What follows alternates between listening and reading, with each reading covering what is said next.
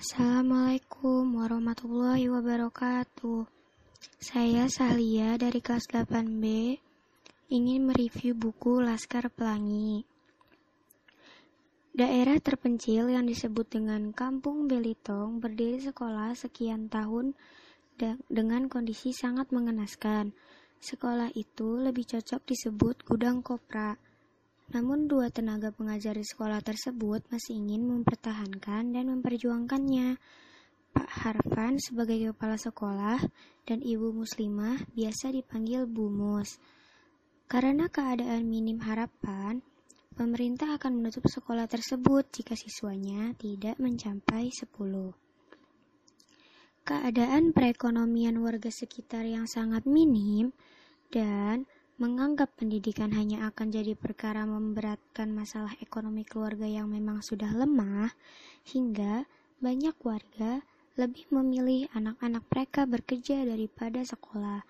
Walaupun sekolah Muhammadiyah hanya menerima bayaran sukarela, namun warga masih memilih anak-anak mereka bekerja untuk membantu keuangan keluarga.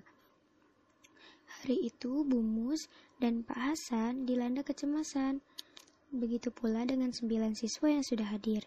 Jika sampai pukul 11 masih tidak mencapai target, sekolah itu akan ditutup. Berjam-jam menunggu, masih tak ada tanda jumlah siswa akan bertambah. Dengan berat hati Pak Hasan harus menyampaikan pidato terakhirnya dan membesarkan hati siswa dan orang tua yang sudah hadir. Detik-detik terakhir di hujung penantian, Ibu Harun bersama anaknya mengantar dia ke sekolah. Lebih tepat sebenarnya ingin menitip anaknya yang terbelakang mental karena jika di rumah selalu menyusahkan. Terlepas apa pun niat Ibu Harun yang dilakukan hari ini benar-benar berharga. Dia telah menyelamatkan teman, orang tua, dan gurunya yang setia. Semua siswa memiliki latar belakang yang berbeda-beda. Hanya satu kesamaan yang pasti, memiliki ekonomi yang lemah. Di antara mereka yang mempunyai kepintaran yang paling menonjol adalah Lintang, berasal dari Tanjung Kalumpang, desa di pinggir laut. Jaraknya 40 km dari sekolah. Setiap hari harus melewati jalur yang sama dengan naik sepeda. Tidak pernah sekalipun membolos walau hari walau harus melalui 80 km dalam sehari. Suatu waktu, Lintang bertanya pada ayahnya, empat dikali empat. Demi menjawab pertanyaan Lintang, ayahnya hilir mudik. Saat Lintang lengah, ayahnya berlari kencang, mungkin meminta bantuan dari orang-orang di kantor desa. Kemudian kembali lagi secepat mungkin dan menjawab, 14 bujangku. Lintang menatap mata ayahnya dalam-dalam. Rasa ngilu menyelinap dalam hatinya yang masih belia. Rasa ngilu meng mengikrakan nazar, aku harus jadi manusia pintar. Karena Lintang tahu, jawabannya itu bukan datang dari ayahnya. Ayahnya bahkan telah salah mengutip jawaban. 16 harusnya.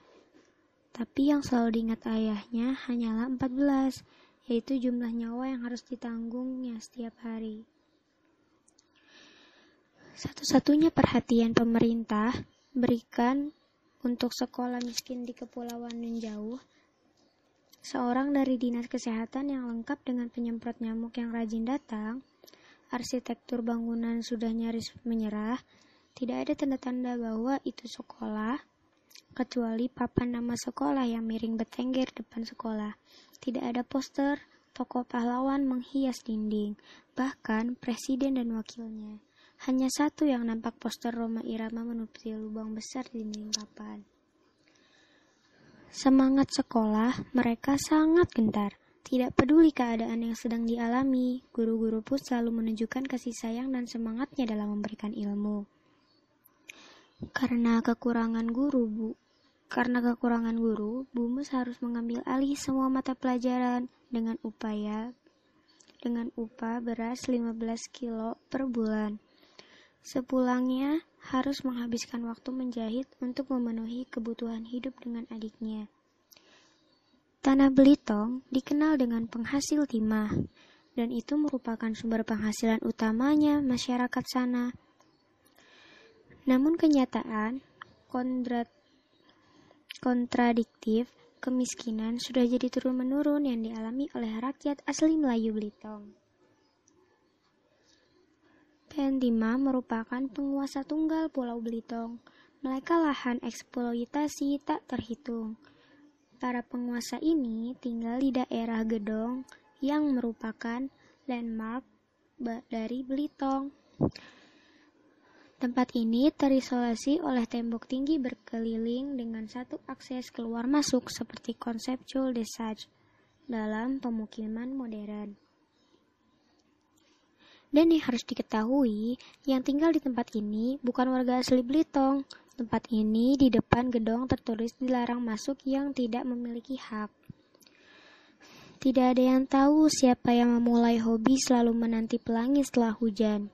Hingga setiap hujan usai, mereka bersama-sama menanti pelangi. Karena kegemaran kolektif terhadap pelangi, maka Bumus menamai kelompok mereka Laskar Pelangi terkecuali satu yang diketahui yang merupakan warga asli berhasil tinggal di kawasan Gedong, Flo, merupakan salah satu anak sekolah PN dan bapaknya seorang molenbas, bekerja bagian kepa kepala kapal kru. Ia seorang alumni pendidikan luar negeri dan merupakan teknisi yang cerdas. Berkat kerja keras dan usahanya sendiri, ia telah keluar dari garis kemiskinan. Banyak orang yang berusaha mati-matian menemukan bakatnya dan banyak pula yang menunggu seumur hidup agar bakatnya atau dirinya ditemukan. Tapi lebih banyak lagi yang merasa dirinya berbakat padahal tidak. Bakat menghinggapi orang tak diundang. Jika Lintang memiliki level intelektualitas yang demikian tinggi, maka Mahar memperlihatkan bakat seni selevel dengan tingginya inteligensia lintang, Mahar memiliki hampir setiap aspek kecerdasan seni yang terimpan seperti persediaan amunisi kreativitas dalam lokus-lokus di kepalanya. Kapasitas estetika yang tinggi melahirkan sebagai seniman serba bisa, ia seorang pelantun gurindam, sutradara teater, penulis yang berbakat, pelukis natural, koreografer, penyanyi, pendongeng yang ulung dan pemain sitar yang fenomenal. Salah satu ciri orang-orang Melayu sebagaimana biasanya susah berorganisasi, bukannya fokus pada ikhtiar untuk mencapai tujuan dan memenangkan persaingan, tapi sebaliknya, mereka gemar sekali berpolitik sesama mereka sendiri. Tak terima jika dikoreksi dan jarang ada yang mau berintrospeksi diri. Di antara mereka selalu saja berbeda pendapat dan mereka senang bukan main dengan pertengkaran yang tak konstruktif. Akibatnya sembayang rebut salah satu kegiatan peribadatan orang Tionghoa tidak memperoleh apa pun kecuali kesia-siaan. Tanpa kabar apa pun, sepekan berlalu, Lintang tidak pernah lagi masuk sekolah. Akhirnya Bumus mengirim surat ke rumah Lintang. Sembilan tahun Bumus mengajar, tak pernah sekalipun ia meneteskan air mata. Namun balasan surat yang didapat tidak mampu membendung butiran air mata yang mendesak ingin menetes.